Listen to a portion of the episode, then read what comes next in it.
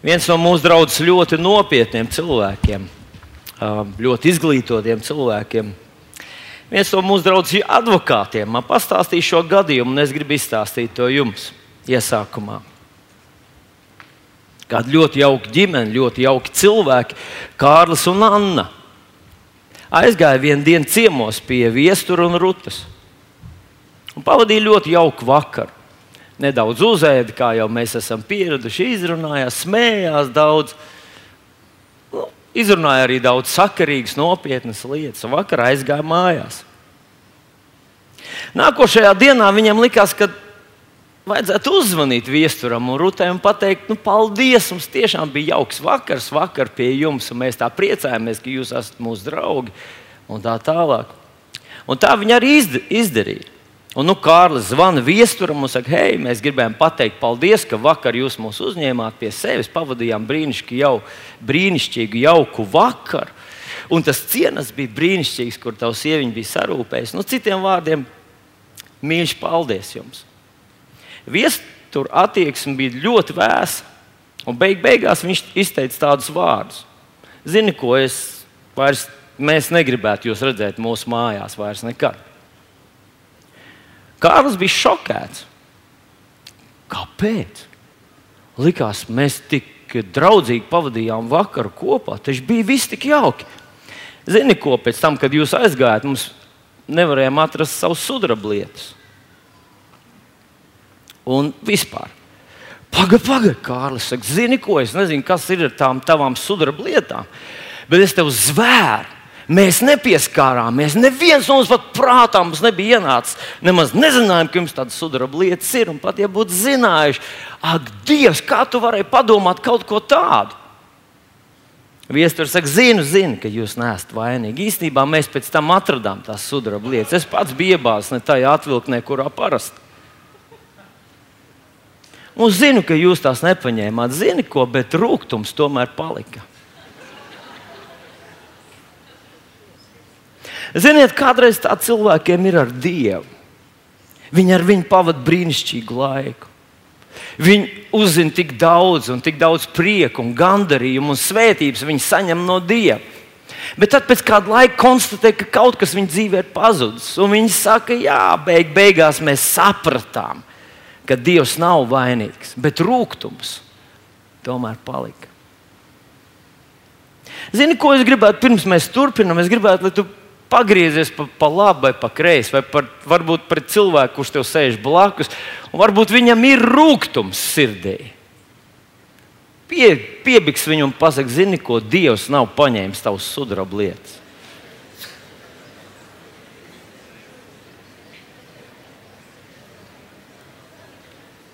Dievs nav paņēmis kaut ko tev, no tevis.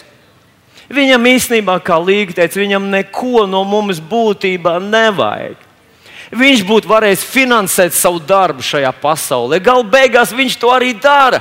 Jo šodien mēs tikko lasījām no, 5, no 2. mūža grāmatas 19. nodaļas vārdu jubilāriem. Man pieder pasaule un viss tās pilnums. Mēs neko neesam šajā pasaulē ienesuši. Viss tā lielā bagātība, kas mums ir, Vai ne? Tas ir mēs Dieva smilšs, kas te uz kādu laiku, nu, kādu stūrīti esam izīrējuši un sakasījuši tās smilts uz savu stūrīti, bet tās mums nepiedara. Neko neesam ienesuši šajā pasaulē, neko no tās neiznesīsim prom, vai ne? To dara atcerēties, ka jā, jā, jā, jā, jā tu briesmīgi kas uz savu pusi, bet tas nav tavs, un līdzi to nepaņemsi. Dievs mūs vada, lai mūs darītu bagātākus, lai mūs svētītu, lai mēs kļūtu brīvāki, drosmīgāki, mierīgāki, priecīgāki, lai mūsu eksistencei, mūsu gadiem sekas būtu ne tikai grumbas, pierē un vaigā, bet lai sekas būtu jēga, lai tam būtu mūžības vērtība, lai tavai dzīvei šeit, šajā pasaulē būt kaut kas, ko paņemt līdzi uz turieni. Tāpēc viņš mūs veda. Un zinat, ko pēdējās svētdienas uh, Svētais gars mūs ir vadījis tādā vienā ļoti brīnišķīgā virzienā. Un to varētu izteikt ar vārdiem no Romas vēstures 8. nodaļas, 28. panta, kur mēs visi zinām no galvas, prieka vēst. Cilvēki taču mācās Dievu vārdu no galvas, vai ne? Vai ne? Vai ne?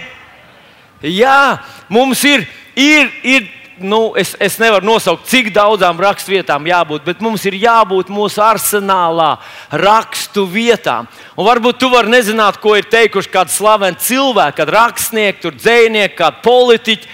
Bet, ja tu zini, ko ir teicis Jēzus Kristus, ja tu zini, kas ir rakstīts Bībelē, un tu uzticies tam, tu uzvarēsi visās cīņās, izies cauri katrai šaurai vietai, un tu zini patiesību. Tā ir autentiskā, īstā patiesība. Tas, kas ir uzrakstīts Bībelē. Varbūt ne visas vietas, bet tas, ko ir teicis Jēzus un ko pravieši ir teikuši Dieva uzdevumā, tā ir patiesība. Nu, tātad, kas ir rakstīts Romiešiem 8,28?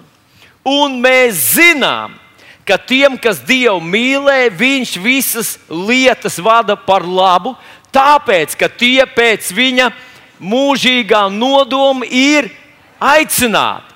Jo kurus viņš sākumā nozīmējis, tos viņš nolēma darīt līdzīgus savam dēlu tēlam, lai viņš būtu pirmdzimušais daudz brāļu un māsu starpā.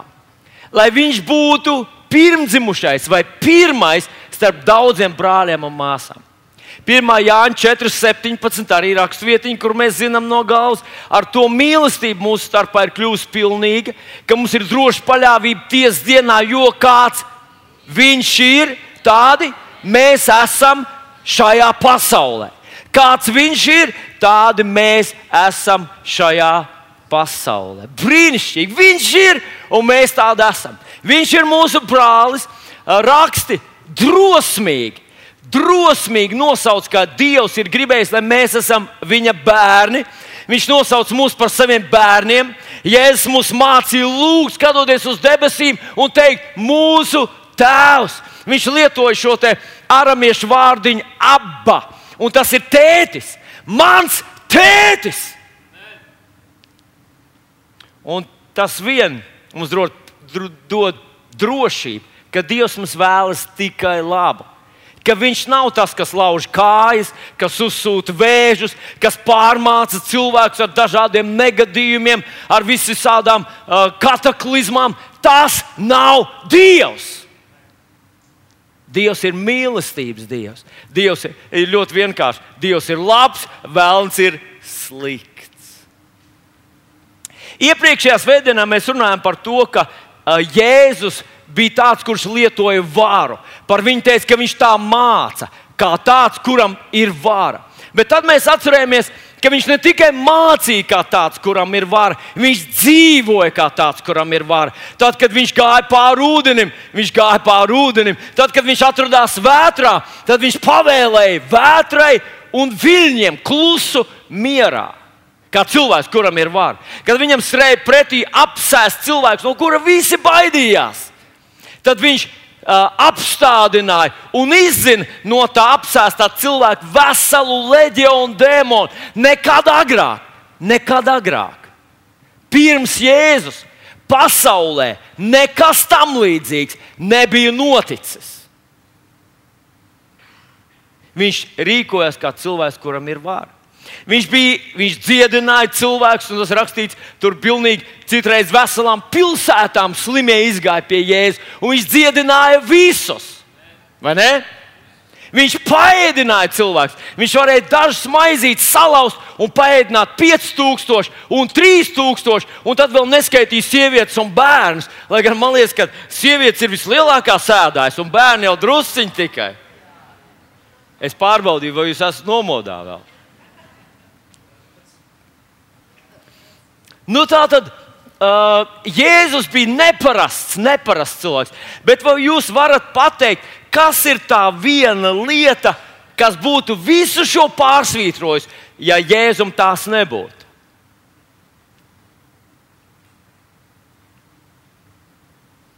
Kurš uh, jā, svētais gars, viņš nebūtu varējis darīt brīnumus bez Dieva svētā gara. Kas uh, ir uh, mīlestība? Brutiņ? Perfekti, pareizi. Jā. Vīrs pateiks priekšā. Vīrs zina visas pareizās atbildes. Bet es tomēr gribētu dzirdēt kaut ko citu. Ko tad? Vara un otrā. Jā, viņam, viņš bija kā tāds, kuram vara un autoritāte. Jā, bet nu, kas vēl ir tāds, kas par viņu ir pateikts? nu, kur mēs zinām, tas ir ļoti svarīgi. Viņš tāds bija. Viņš bija svēts. Ja mēs runājam par to, ka kāds viņš ir tāds, mēs esam un mēs sakām, mums jālieto vara, viņš mums ir devis spēku, ka varam staigāt pāri čūskām un skarpiem. Viņš mums izsūtīja, teikt, dziedniet slimu, šķīstiet spitālīgus, uzmodiniet mirušus, izdeniet ļauns gars. Tad vēl viena lieta, kas ir svarīga, ko par viņu sacīja, kas par viņu ir uzrakstīts. Tā ir 1. pētera vēstule, uh, 2. nodaļa, 22. pāns, ka viņš grēku nedarīja, nedz arī atrada viltu viņa mutē. Jēzus bija absolūti svēts. Viņš rīkojās vienmēr pareizi, ievērojot visus dieva likumus. Un mēs jau esam runājuši ka tā kā Dievs ir iedibinājis šajā pasaulē fizikas likumus, dažu dažādas ķīmijas likumus, mūsu ķermenis funkcionē pēc šiem likumiem, šiem fizikas likumiem, nu, ķīmijas likumiem. Es nezinu, vai var teikt, ka ir kaut kādi medicīniski likumi, Uh, bet, bet kaut kāda viņi ir un mūsu ķermenis pakļaujas šiem te, uh, likumiem. Un doktori bieži vien cenšas saprast, kā šos likumus izmantot, lai ietekmētu mūsu ķermeni uz labu, lai to izārstētu, lai tā vielu apmaiņa, lai sāļu līdzsvars, lai ūdens uh, īpatsvars ķermenī, lai tas būtu pareizs. Viņi izmanto šos likumus. Tieši tāpat ir arī garīgi likumi, un tie darbojas neatkarīgi no tā, vai mēs tos apzināmies vai nē, vai mēs tos apzināti izmantojam vai, vai neapzināti pārkāpjam. Šie likumi vēl ar vienu un vienalga darbojas. Un Jēzus visus šos likumus ievēroja. Viņš nekad tos nepārkāpa, un līdz ar to viņa dzīvē neatnāca nekādas problēmas. Un gribu šodien atgādināt vienu ļoti svarīgu lietu. Ka likums atnāca kopā ar Mūzus. Uh, Dievs noslēdza savu derību ar Abrahamu, un tad 430 gadu vēlāk Dievs deva likumu, tos, kurus mēs saucam par bauslību. Un tur ir ļoti, ļoti daudz. Viņi ir vairāk simti, ja nemaldos, pāri 400. Daži dažādas mazas, visādas ļoti smalkas pavēles, ko vilkt mugurā, kā gatavot, ko ēst, ko nēst, kur iet, kur neiet, un tā tālāk, ko var precēt un ko nevar precēt. Nu, ļoti smalki noteikumi. Un ir cilvēki, vēl aizvien šodien, ja mēs aiz, aizbrauktu uz Jeruzalem, ir cilvēki tādi reliģiski, reliģiski ortodoksāli ebreji, kas neko citu nedara. Neko citu nedara, kā vien ievēro visus šos likumus. Un viņi ar kur kāju jāizkāpj no gultas, kur kāja pirmā ir jāizšņurē, kurpi ciet, kā var ēst, ko nevar ēst. Uh, nu, var sakot, vis, visādi tādi mazi likumi, līdz pat mazām niansēm, par kurām mums nemaz neienāktu prātā, uh, kad, nu, ko, ko drīkst darīt un ko nedrīkst darīt, piemēram, svētā vietā. Bet uh, tajā pašā laikā Galatiešu vēstulīt mums saka, ka Kristus mūs ir atbrīvojis no bauslības lāsta. Šis lāsts atnāca līdz ar šiem likumiem. Un mēs tos varam izlasīt 5. mūža grāmatā. Es domāju, ka katrs no mums esam lasījuši kādreiz 28. nodaļu, kur uzrakstīts, ka, ja tu visu, visu šo te turēsi, tad tu būsi svētīts. Un, ja tu, ne, ja tu pārkāpsi šo visu, tad tu būsi nolādēts. Jēzus visus šos likumus ievēroja. Un viņš to izdarīja priekš mums, viņš to izdarīja mūsu vietā.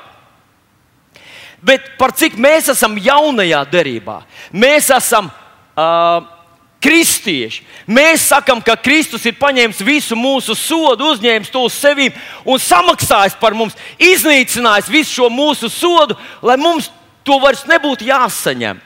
Vai ir svarīgi, vai ir svarīgi ka mēs šodien esam svēti tādi, kāds Jēzus ir? Vai ir svarīgi, lai mēs šodien negrēkojam, ja jau Dievs uz mums nedusmojas vairs? Ja jau tas, ka es turu šos likumus vai neturu šos likumus, ja tas nav vairs tik ļoti vitāli svarīgi, ja Dievs nesodīs mani, nesitīs mani, ja Dievs nenolādēs mani, ja es pārkāpšu šos likumus, vai ir svarīgi, ka es tos ievēroju? Ik pa laikam paceļās tāds jautājums, cik svarīgi tas ir. Un, zinat, Nu, vispirms, man, man ir šodien tāda sarežģīta tēma. No vienas puses, 5. mūža grāmata, 28. nodaļa attiecās uz visām, visām tām vairāk kā 400 pavēlēm. Tur ir priesteru kodeks un visu laiku upurēšanas, visādas pamācības un norādījumi, un, un kur un kā un tā tālāk, kā tas ir jādara.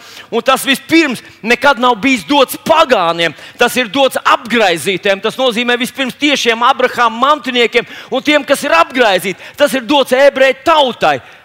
Un šie 28. nodaļas, 5. mūža 28. nodaļas noteikumi attiecās uz viņiem pataisno, nekad nav doti mums. Un tomēr šodien es gribu no visa šī lielā klāsta izcelt vienu īpašu, īpašu sadaļu. Un te ir tie, ko teologi sauc par dekalogu vai par desmit paušļu sistēmu, kas, manuprāt, ir ietverts šajā visā kopumā un tomēr izcelt ārpusē. Dievs to uzrakstīja ar savu pirkstu un iedeva mūzam uz tām plāksnēm.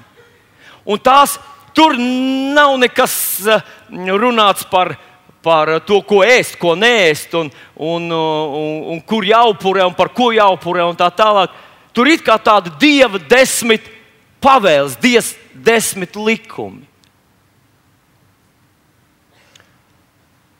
Liela daļa valsts konstitūcija, rietumu valsts konstitūcijas ir balstīta šajā desmit pavēļu sistēmā. Un es jau iepriekšējos divkalpojumus esmu uh, apgalvojis, ka ticu, ka tie ir tādi garīgi likumi, kas darbojas. Un tie likumi darbojas par svētību cilvēkiem, ja cilvēks tos ievēro, un par lāstu vai par bēdām cilvēkiem, ja cilvēks tos pārkāpj, pat neatkarīgi no tā, vai Dievs soda par to vai nesoda. Un ja Jēzus visus tos ievēroja, tad mums ar tevi kā raugoties uz to, kāds viņš ir, un apgalvojot, ka ja mēs esam tādi, kāds viņš, arī mums tos būtu jāievēro. Bet tagad, mīļie draugi, šo apgalvojumu, ka šie desmit likumi darbojas autonomi paši par sevi, pat ja Dievs uh, īpaši neiesaistās viņu nodrošināšanā. Es pamanīju vēl vienu tādu ļoti spilgtu pierādījumu tam.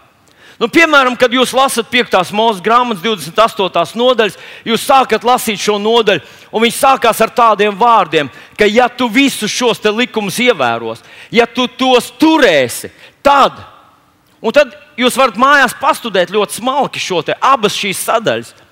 Bet vispirms teiksim, ja tu ievēros šos likumus, tad viņš saka, tu būsi svētīts pilsētā, svētīts laukos, svētīts tavs abars, svētīts tavs lopu augurs, svētīts lielo augurs, mazo augurs, vidējo lopu augurs. Un, un, un, un, un tā es mazliet varbūt ar humoru, bet un tad piecus pantus vēlāk sākās pilnīgi citas kategorijas teksts teksts sākās tāds, un tas kungs tevi pacels, un tas kungs tevi svētīs, un tas kungs tevi dos, un tas kungs tevi vadīs, un tas kungs tevi īpaši iesaistīsies. Un tieši tā pati sistēma sākās tad, kad apmēram 15. pantā, 5. mūža grāmatā, tas ir uh, uh, 5. mūža grāmatā. No 13. panta, ja es pareizi atceros, no 13. panta sākās. Uh, Nē, lāsas sākās no 15. Skatieties, svētības vārdi no 1 līdz 7 ir. Viņš runā par svētības lietām, kuras, un viņš nepiemina to kungu vispār. Viņš saka, ja tu turēsi visus šos likumus, tad būs, tev būs labi, tev viss kārtībā, tev būs tu, nu, labas lietas. Viņš runā. Un tad viņš no, no 8. panta iesaistās kungu, un tas kungs iesaistīsies arī. Un tieši tāpat viņš runā par lāstiem. Ja tu pārkāp šos likumus, tad no 15 līdz 20 pantam viņš nepiemina Dievu vispār. Viņš vienkārši saka, ja tu pārkāp šos Dieva likumus, tad tavā dzīvē, un viņš saka, tu būsi nolādēts pilsētā, nolādēts laukos, nolādēts tavā abra, nolādēts tavs lops, lielops, mazlops, un katlops un suņlops. Un visus tos lopus viņš visi būs nolādēti. Un tikai pēc 20. panta līdz 45. viņš nevar rimties vēl tālāk. Viņš saka, un ja tu to ja tu pārkāpsi, tad Dievs iesaistīsies, tad viņš tev nometīs, viņš tev satrieks, viņš tev sitīs, un viņš tevi. Un šodien man tas lielais jautājums, par kuru es gribētu arī, lai tu padomā. Ka vai varētu būt tā, ka galotiešiem 3.13, kur rakstīts, ka Kristus mūs ir atpircis no bauslības lāsta, mūsu dēļ kļūdams par lāstu, tas attiecās uz to daļu, ka Dievs iesaistīsies, Dievs sitīs, Dievs sados tev, Dievs tev atmaksās, ka tā ir noņemta nost. Bet šī daļa pirms tam, kad bauslība saka, ka Dievs iesaistīsies, ka tā vienalga strādā.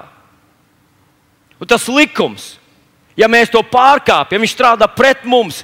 Pat ja Dievs neiesaistās tā sodīšanā, sodīšanas tajā visā pasākumā. Es nezinu, vai jūs spējat man izsekot līdzi. Es pats lieliski sev saprotu, bet. bet uh, mm, uh, nu, zinot, uz mirkli es padomāju par to, ja mēs ievērotu šo dieva desmit baušļu sistēmu. Iedomājieties, ka visu Latviju to ievērotu. Ka mēs nemelotu, nezaktu, mēs nekrāptu, mēs neiekārotu to, kas pieder otram. Mēs godātu savu tēvu, mātu un godātu vispār priekšniecību un godātu tos, kas ir virs mums. Padomājiet, kā tas būtu. Padomājiet, ja visa Eiropa, visas Eiropas tautas būtu tādas, ka mēs ievērotu šos dekalogus, šos desmit dieva garīgos likumus, kas darbojas. Vai mēs tos atzīstam, vai neatzīstam, zinām, vai nezinām, patīk mums tie vai nepatīk, tie vienalga darbojas vai nu par mums, vai pret mums. Tagad iedomājieties, ka Latvijā visi ievēro šos dieva desmit paušus. Jūs zināt, es paskatījos Latvijas budžetu un es padomāju, ja nebūtu vajadzīgs visāds iekšlietu sistēmas, kas mūs uzmana, kas soda, kas, kas cietuma nebūtu vajadzīgi. Nebūtu vajadzīgs visi tie represīvie orgāni, visi kontrols mehānismi, kontrols sistēmas, kas mūs cenšas pieķert melos un krāpniecībā un tā tālāk. Mēs nekrāptos. Jā, jā, jā, arī tās visas. Mēs dzīvotu pēc šiem likumiem, Dieva desmit likumiem, vai pat bez Dieva iesaistīšanās, vai mēs dzīvotu labāk? Un kā jūs domājat? Nu, paklausieties, kā tas izklausās ciparos. Korupcijas novēršanas un apkarošanas birojas gadā, 17, 2017. gadā, eh, finansējums viņam ir paredzēts 4,9 miljoni. Tiesības sarga birojas 1,4 miljoni. Aizsardzības ministrijas izdevumi ir 449,6 miljoni. Tas ir mūsu naudiņas, vai ne? Ko nodokļu naudas, kur mēs samaksājam, aiziet aizsardzībai 449,6 miljoni. Iekšlietu ministrijai 389,9 miljoni. Tieslietu ministrijā tās ir tiesas, tā ir, tā, ir cietumi un visādas labošanas iestādes 223,3 miljoni. Valsts kontrole 5,9. Valsts kontrole tā, kas kontrolē pašu valsti, valsts amatpersonas, valsts iestādes un valsts uzņēmumus 5,9 miljoni. Es saskaitīju visu to kopā, cik mums izmaksā tas, ka mēs neturam šos dieva desmit likumus. Cik mums izmaksā mūsu valstī? Un tas ir 1 miljards 69 miljoni, un, un aiz komata tur būs kaut kādi 100 tūkstoši vēl. Vienu miljardu 69 tūkstoši mums izmaksā tas, ka mēs neievērojam šos dieva dotos likumus. Naudā. Es saliku visu to kopā. Un tā tad 1,69 miljardi tas būtu. Un mēs zinām, ka mūsu doktori šobrīd streiko. Viņi saka, ka viņiem par maz algas. Tad, ja mēs, ja mēs no šīs naudas dubultot medicīnas e, finansējumu, šobrīd veselības aizsardzības sistēmā veselības ministrija saņem 786 miljonus. Uh, 786,2 miljonus. Mēs viņiem dubultot. Tas nozīmē, viņi, viņiem būtu pusotra miljarda. Pusotra miljarda, 72 miljoni būtu medicīnas, medicīnai.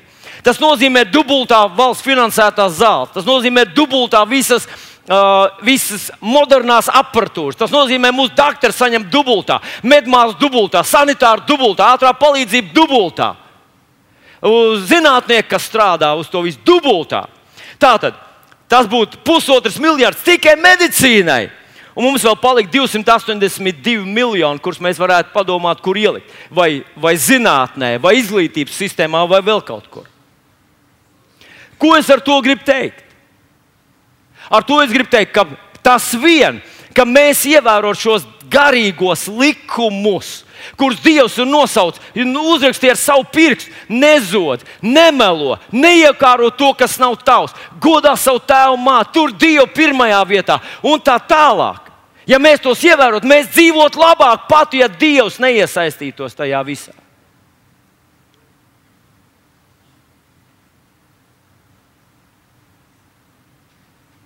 Vai tas nozīmē, Vilni, tu gribi teikt, ka ja mēs, mēs uh, neievērojam tos likumus, tad pat ja Dievs neiesaistās, vienalga mēs dzīvojam sliktāk? Nu, nu pieņemsim, pieņemsim, es būtu zaglis. Es aizgāju pie tevis mājās, tu vairs neatradi savus sudrablietas. Vai tava attieksme pret maniem mainītos? Konkrēti. Es zinu, ka otrreiz es pie tevis vairs netiktu aicināts ciemos un pie kam tu uz mani vēl kliegt. Atdod man sudrablietas. Vai ne? Mēli. Padomājiet, ja mums nevajadzētu, nu, mēs te ceļam māju, un mēs zinām, ka tu nevar nolīgt būvu uzņēmēju bez tā, ka viņš atnes apdrošināšanu vai bankas garantijas. Un tad viņam vajag vēl divus juristus, kas pārlasa visu viņu līgumus. Ja gadījumā viņu kāds centīsies uzmest, Un tas viss sadārdzina visas tās reālās būvizmaksas, un tad vēl nāk klāt kaut kas, ko mēs bailēs no tā, ka mūs kāds uzmetīs, pievils, ka kāds neturēs šos likumus. Mēs cenšamies nodrošināties. Tas padara mūsu dzīvi dārgāku, grūtāku, mazāk iespēju. Ar to es šodien gribu teikt, ka ievērot šos dievu likumus ir mums par labu, un neievērot tos ir mums par sliktu.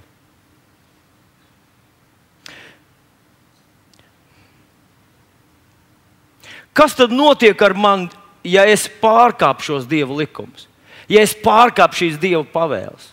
Nu, es pats sev kaitēju, es saprotu, tur man ar cilvēkiem būs problēmas. Bet kas vēl notiek? Vēstule Eviziešiem 4. nodaļā es lasu tādus vārdus. Eviziešiem 4. nodaļā es lasīšu no 25. līdz 32. pantam.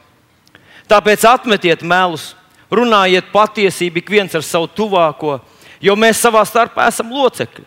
Dusmās neapgrēkoties, pat, uh, kā, kā viens tulkojums saka, pat dusmās negrēkojiet, lai saule nenoriet jums dusmojieties.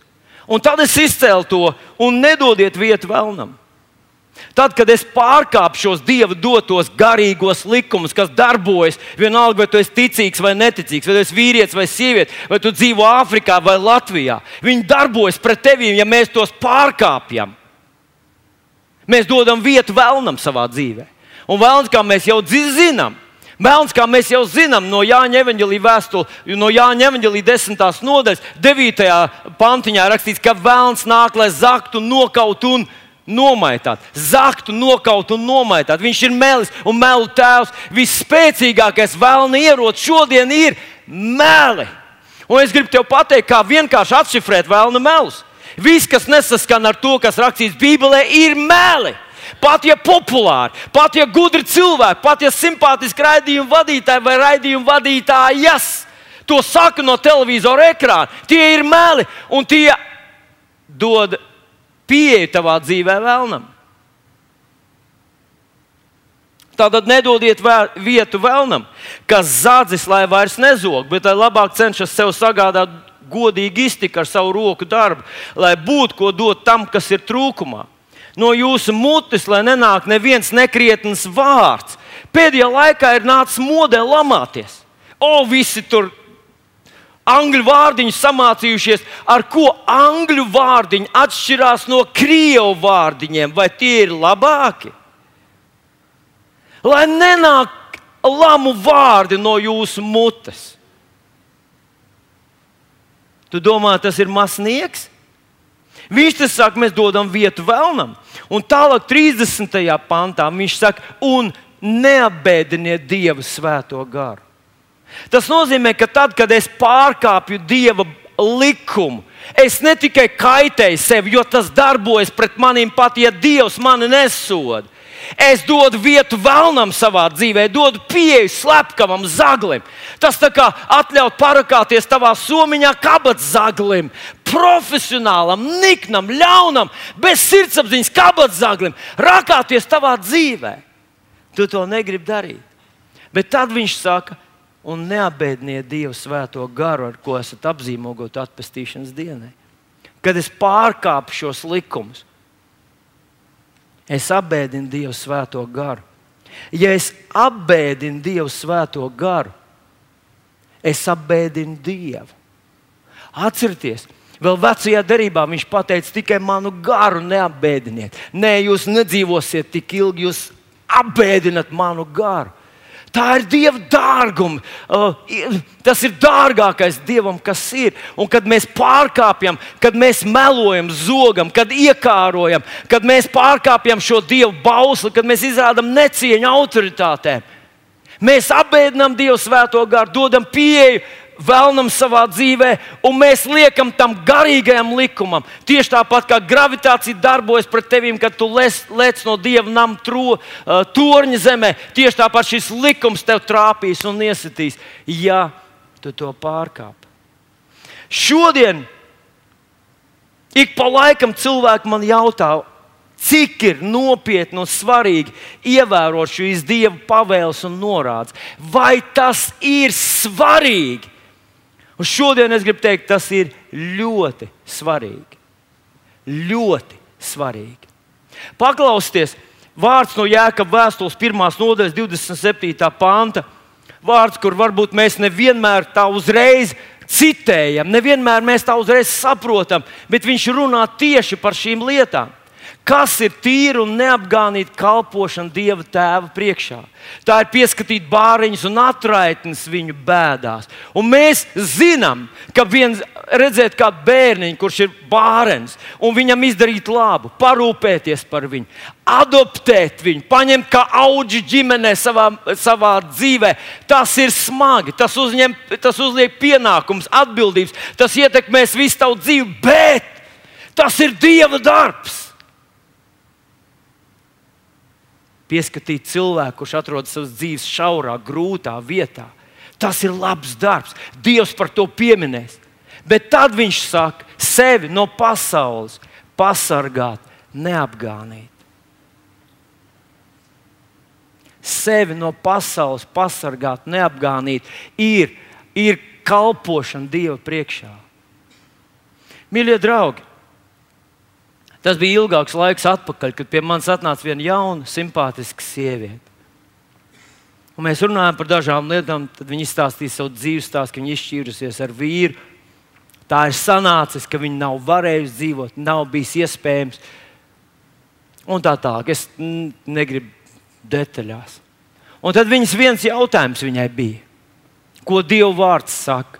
Vai es varu precēties vēlreiz vai nē? Nu, mūsdienās cilvēki neuzdod tādus jautājumus. Paskatieties uz mani, es esmu jauna, vientuļa sieviete. Ko jūs tagad sagaidat, ka es dzīvošu visu dzīvi viena? Nu, starp citu, tā dzīve nemaz tik briesmīgi gara nav. Tas nav tā, ka tev visu mūžību būs jādzīvo vienai. Tā kā nu, ārprāts! Un man viņai bija jāsaka, ziniet, ja man godīgi jums jāpasaka, ko Dieva vārds saka, jā, jūs esat izšķīrušies. Neprecēties vairāk. Viņa teica, labi, es sapratu. Es gribu tā darīt. Tagad tāds jautājums. Nu, kā, bet Jēzus uznes visu mūsu grēkus, visu mūsu sodu, visu mūsu noziegumus. Viņš, viņš nesa mūs, jā, viņa brūces, mēs esam dziedināti, mēs esam taisnoti vai tas varētu nozīmēt, ka nav starpības. Viens, kurš ir, nu, kā, kā mēs dzirdējām, no valsts iestādes 11 reizes apprecējis un 11 reizes izšķīries. Un viens cilvēks, kurš ir sapratis, ka, tas, ka viņa limits viņa dzīvē ir izsmelts, ka viss, ka Dievs teica, ka nedara to vairāk. Vai var būt tā, ka nav starpības Dieva priekšā starp viņiem? Viena, kurš ir centies ievērot Dieva pavēli, un otru, kurš vienkārši, nu, tā kā tajā anekdotē, palūdz Dievam riteni, nesaņēma atbildi nozagu, palūdz Dievam piedošanu. Vai var būt tā, ka starp to vienu, kurš lūdza dievam riteni un nesaņēma, un to otru, kurš nozaga, nozaga trīs reizes, četras reizes, piecas reizes, un tad atnāk un saka, Dievs, bet lūdzu, piedod atkal. Vai var būt tā, ka starp viņiem nav starpības? Ziniet, tādās reizēs saka tā, ka Elle ir taisnās eh, tiesas vieta. Tur ne, negāzīs vienkārši ar, es, ar, ar pašizgāzēju, visus negāzīs vienkārši vienā uguns zaņķī un tā tālāk. Bībeli saka, ka Elle būs taisnas tiesas vieta. Tas, kurš būs uh, daudz vainīgs, saņems daudz, un tas, kurš maz vainīgs, saņems maz. Elle būs atšķirības starp cilvēkiem. Bet tieši tāpat, tieši tāpat būs atšķirība debesīs. Un, ja mēs atceramies, ko sacīja Jāņa. Um, Mateja evanģelijas 25. nodaļa, kur, kurā ir runa par, par, par pastaro tiesu, par to, ka cilvēki nonāks Dieva priekšā un, un, un viņš skatīsies uz viņiem. Tad jā, slepkavam ir tieši tāpat piedots, kā man mācītāji. Slepkava Dieva priekšā ir tikpat taisnīgs kā es, kurš neesmu uh, nu, uh, nevienu noslapkavojis un neplānoju to arī darīt. Esmu tāds pats tikpat taisns, tikpat svēts, man ir tikpat piedots, man ir tāds pats bērns. Un tomēr tie vārdi, ko mēs tur dzirdam, tu biji uzticīgs pie mazuma. Tu biji uzticīgs pie mazuma. Tu biji uzticīgs pie mazuma. Ienāc savu kungu priekā, saņem daudzumu. Ar to es gribu iedrošināt tos, kas cīnās ar grēku. Tos, kas cenšas palikt uzticami, tos, kas cīnās par savām ģimenēm. Lai gan redz, ka pa kreisi un pa labi cilvēki izšķirās un atkal izšķirās un palūdz Dievam atdošanu, un tikai citē pantiņas par to, ka man jau piedots, es jau esmu glābts, man jau viss ir salīdzināts, par maniem izlietas dārgas asins. Tā ir absolūta patiesība. Tā ir absolūta patiesība. Un, ja tu esi izšķīries, ja tu esi sadarījis grēku savā dzīvē, labāk palūdz Dievam atdošanu, tic, ka tev tiešām piedots, ka Dievs tiešām tavu vainu ir nomazgājis ar savām dārgām asnīm. Un šajā ziņā mēs visi esam grēkojuši.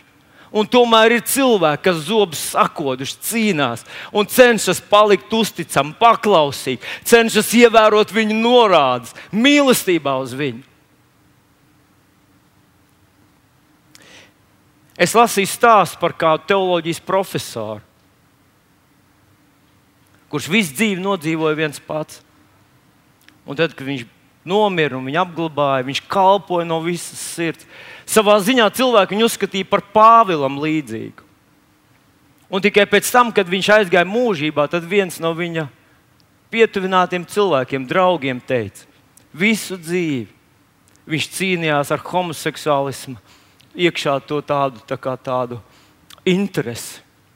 Bet Jēzus pavēļ dēļ, Dieva vārda dēļ, viņš nekad to neaizstāvēja, nekad to nepraktizēja, nekad nevienam uh, nu, tās savas vājības neattaisnoja. Viņš sludināja pareizi bezkompromisu evaņģēlī. Sakiet, vai tiešām var būt tā, ka Dieva priekšā šāds vīrs kurš aizliedz to sevi, kā šodien pieņemts, nu, teikt, manas seksualitāti. Ja. Viņš to nolika malā un nospieda to. Un saprata, ka tas ir kaut kas šķīps manī, no kurienes es nezinu, bet cīnījās ar to visu dzīvi. Un kāds, kurš dzīvoja uz vēlnu paraušanu, tikai katru reizi teiks, Dievam, piedod atkal. Vai varbūt tā, ka viņi ir vienādi?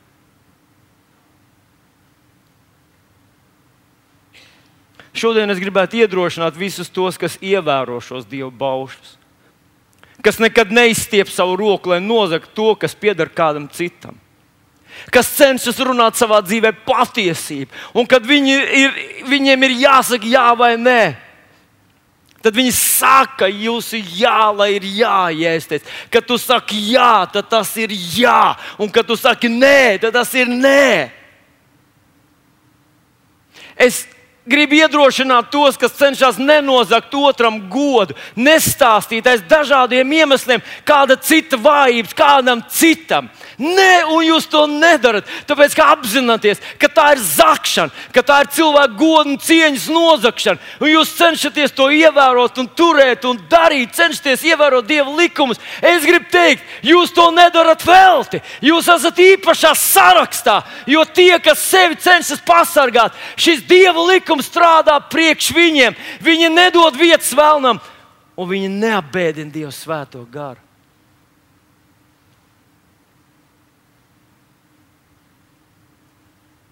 ir milzīgi svarīgi. Dievs pamana tos, kas cenšas sevi no pasaules pasargāt, neapgānīt. Ma mazliet pagaidiet, Daniela. Ja? Ma mazliet vēl viena lietiņa man jāpasaka. Bet ir vēl viena lieta, kas man ir jāpasaka, ko grēks ar mums izdara. Un viena lieta, ko šis likuma pārkāpums ar mums izdara, ka tas liek mums dzīvot dubultu dzīvi. Mēs vairs neesam atklāti un godīgi. Mēs vairs nevaram nevienam atvērt savu dvēseli un izstāstīt, kas patiesībā ar mani ir. Mēs blefojam, melojam. Mēs iemācāmies runāt pareizas frāzes, bet sevī dzīvot citas sajūtas un citas vēlmes. Un iespējams, ka tā ir visbriesmīgākā, vissāpīgākā lieta, ko mums nodara šis grēks vai likuma pārkāpums. Jūs atcerieties, kas notika ēdienas dārzā. Tikko Ādams un Ieva apgrēkojās, ko viņi izdarīja? Viņi slēpās. Viņi tūliņ, viņiem bija kaut kas glābjams un slēpjams no Dieva. No Dieva, protams, mēs neko nevaram paglābt. Tu redz, ka tas laulāto attiecībās, ja sākumā Viņam nebija nekas, ko slēpt. Viss bija atvērts, viņi, viņi bija godīgi kā balts lapas. Viņi viens otram teica visu. Tad, tad kad viņi attiecībās ienāk kāds pārkāpj šo likumu, viņam parādās viņa slepenā dzīve. Tur kaut kur aizmugurē. Ko viņš nesaka, nevar teikt. Viņam ir kaut kādas vēlmes, kaut kādas, kaut kādas sapņi, viņam ir kaut kas tāds, ko viņš nevar pateikt, negrib pateikt, jo tad viņš jutīsies slikti. Mīļie draugi, es uh, domāju par rakstvietiņu no Mateja evanģelijas 18. nodaļas, 3. pāns, ar kuru es laikam tuvojos noslēpumam, Mateja 18.3, kur Jēzus saka tādus ļoti spēcīgus vārdus. Patiesi es jums saku, ja jūs neatgriežaties un netopat kā bērni, tad jūs nenāksiet debesu valstībā. Ja jūs neatgriežaties un netopat kā bērni, jūs nenāksiet debesu valstībā. Un esmu dzirdējis dažādas uh, versijas par to, ko nozīmē būt bērnam. Bērns uzticās, bērns tic, bērns ir naivs, uh, bērns klausa. Protams, ka iespējams, ka tam visam ir, ir sava daļa tajā visā. Bet, manuprāt, tā vienīgā unikālā īpašība, kas ir bērnam, ka bērns ir atklāts, sirds skaidrs, godīgs. Viņš neko neslēpj. Atceros vienu vien tādu varbūt smieklīgu gadījumu, iespējams, tā anekdote, bet es jums izstāstīšu vienalga. Māmiņa aizgāja ar, ar, meitiņu uz, uz baznīcu, un baznīcā meita sāk kaut ko tur nemierīgi rīpelēties. Un, un māmiņa saka, kas tev ir? Ko tu, ko tu dari? Un meitiņa godīgi viņa saka, mamma, es gribu čurāt. Mamma saka, Dievs, viņa iziet ārā ar bērnu stolēt, un tad viņai saka, zini, kā baznīcā tā teikt, nav smuki. Kā būtu, ja nākamreiz, ja tu gribi atkal to pašu, pasak man, es gribu pačukstēt. Es gribu pačukstēt. Labi, meitiņa sadzirdēja, vai teikt, es gribu pačukstēt. Un viss kārtībā, viņi ņem to vērā. Nākamā svētdienā viņi sēž baznīcā, blakus tētim, un viņi atkal sāk uh, uh, nu, nemierīgi būt. Un teica, kas ir? Un viņi saka, es gribu pačukstēt. Un kāpēc tu nevarētu man iečukstēt ausī, vai mums tiešām jāiet ārā, saka tētis? Nu, Varbūt tas nav īsti piemērots dievkalpojumam, tāda ilustrācija, bet bērns ir atklāts. Ja viņam kaut kas ir, viņam skauž, viņam dusmas, viņš ir atklāts, viņš ir gatavs laboties. Un Valters uh, parādīja savu Anniņu. Anniņa spilgts piemērs tam. Viņa var vai pacēl savu roku un teica, beidz! Un nākošajā mirklī es pavisam nesen to piedzīvoju. Viņi man saka, saka beidz! Un, un tad es saku, Anniņa, bet ops ir. Es pats viņai saku, Anniņa, bet ops ir mīļš, ops ir jāsamīlē. Anniņa nākošajā mirklī apskauj rokas un uzreiz pieņem labojumu.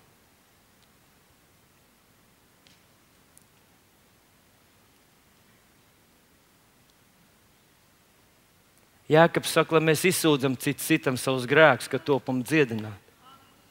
Par ko viņš runā? Viņš runā par to, ka tev ir viens cilvēks, tā uzticības persona, kuram tu vari pateikt. Tam profesoram bija kāds kalpotājs blakus, kuram viņš varēja pateikt, es netieku ar to galā, man ir kauns, man sāp, es zinu, ka tas ir nepareizi. Lūdzu par mani! Un tad pēc nedēļas viņam jautāja, kā tu, tu jā, tas ir aizgājis, slavu Dievam. Bet pēc mēneša viņš atnāca un teica, zini, es nezinu, man atkal, man atkal plos, man sāp, man dedzina, man vajag aizlūgšanu, vai mēs varam ar tevi parunāties, vai tu vari man, vai tu vari lūgt par mani, vai tu vari man netiesāt. Man tas ir. Un iespējams tas palīdzēja tam vīram uzvarēt to problēmu. Vispār tas Jēzus māceklības princips, kur viņš pasludināja un teica, ejiet un dariet par mācekļiem, manuprāt, ietver sevī to, ka nevis tu noslēdzies kā tāda vientuļa saule un visiem uz ārā rāda, ka tev viss ir kārtībā, un tad vienā dienā pazūd, un kad tev kāds uzvan no draugs, tu kliedz, lieciet man mierā, lieciet man mierā, es vairs negribu neko dzirdēt. Kāpēc tas tā ir? Tāpēc, ka tu nevienam neteici. Tu tagad dzīvoji pa krūmiem, kā Ādams un Ieva, slēpies no Dieva līdz tavs sirds palika ciet, un tu netiki ar to problēmu galā. Un zini, kas pie tā aizved? Kad mēs pārkāpjam šos Dieva dotos svētības likumus. Kad mēs pārkāpjam viņa vārdu pavēles, tas mūs noved tajā vietā.